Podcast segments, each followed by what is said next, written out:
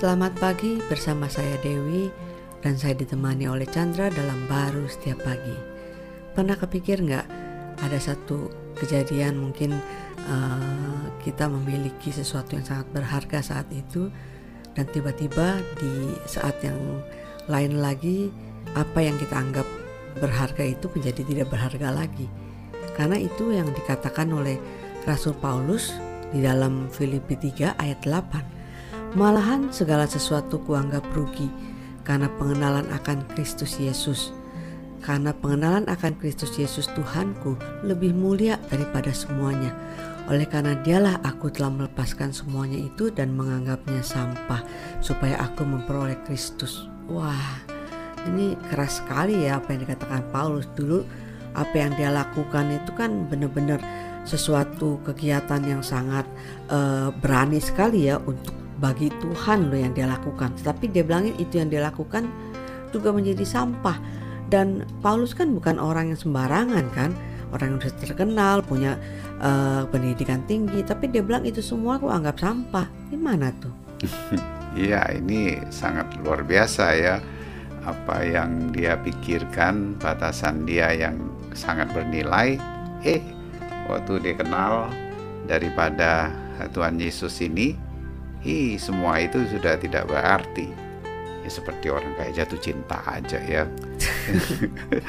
Ketika dia sebelum ketemu seseorang dia sukanya mungkin main basket gitu kan. Waktunya hmm. habis main basket aja. Diajak apa aja nggak mau, pokoknya basket. Keinginannya iya. basket, cita-citanya basket. basket aja semuanya kan itu kan mengingatkan kita kepada beberapa orang ya yang punya passion seperti itu. Mungkin kita juga seperti itu, cuma bentuknya bukan di basket gitu ya.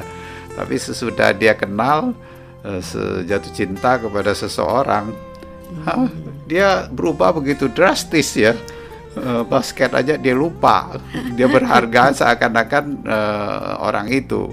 Uh, dia nggak akan mau lagi hidup tanpa orang itu kesannya gitu kan walaupun tidak ada basket nggak apa-apa deh iya ya, saya umpamakan mungkin Paulus itu menghadapi seperti itu ya hmm. cuma dalam hidup kita itu ada aja yang kita uh, batasin pikirkan kalau hidup paling berharga mungkin uh, kalau punya posisi yang tinggi sekali gitu kan bisa berkuasa begitu kan atau ada sebagian orang hidup yang uh, paling berharga kalau duit itu banyak bisa lakukan apa saja. Hmm, tapi nggak salah dong dengan posisi dan duit yang banyak itu. Ya nggak salah, tapi ya kita tahu ya manusia itu nggak pernah bisa terpuaskan di dalam hidupnya dengan segala apa yang harus dia miliki.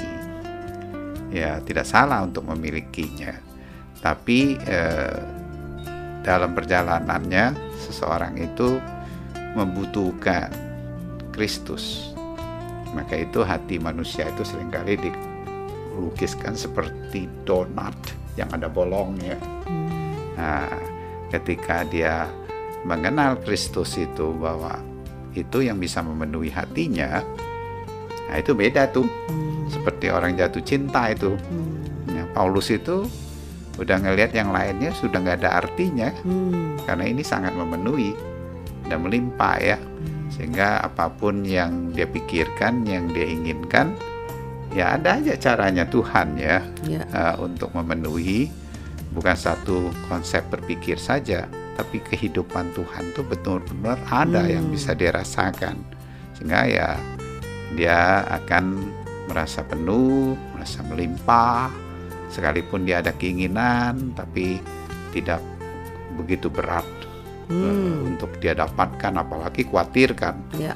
karena ada uh, Tuhan ya yang memenuhi hatinya pasti dia akan memenuhi juga yang merupakan keinginan di hatinya yang meluap itu. Amin. Amin.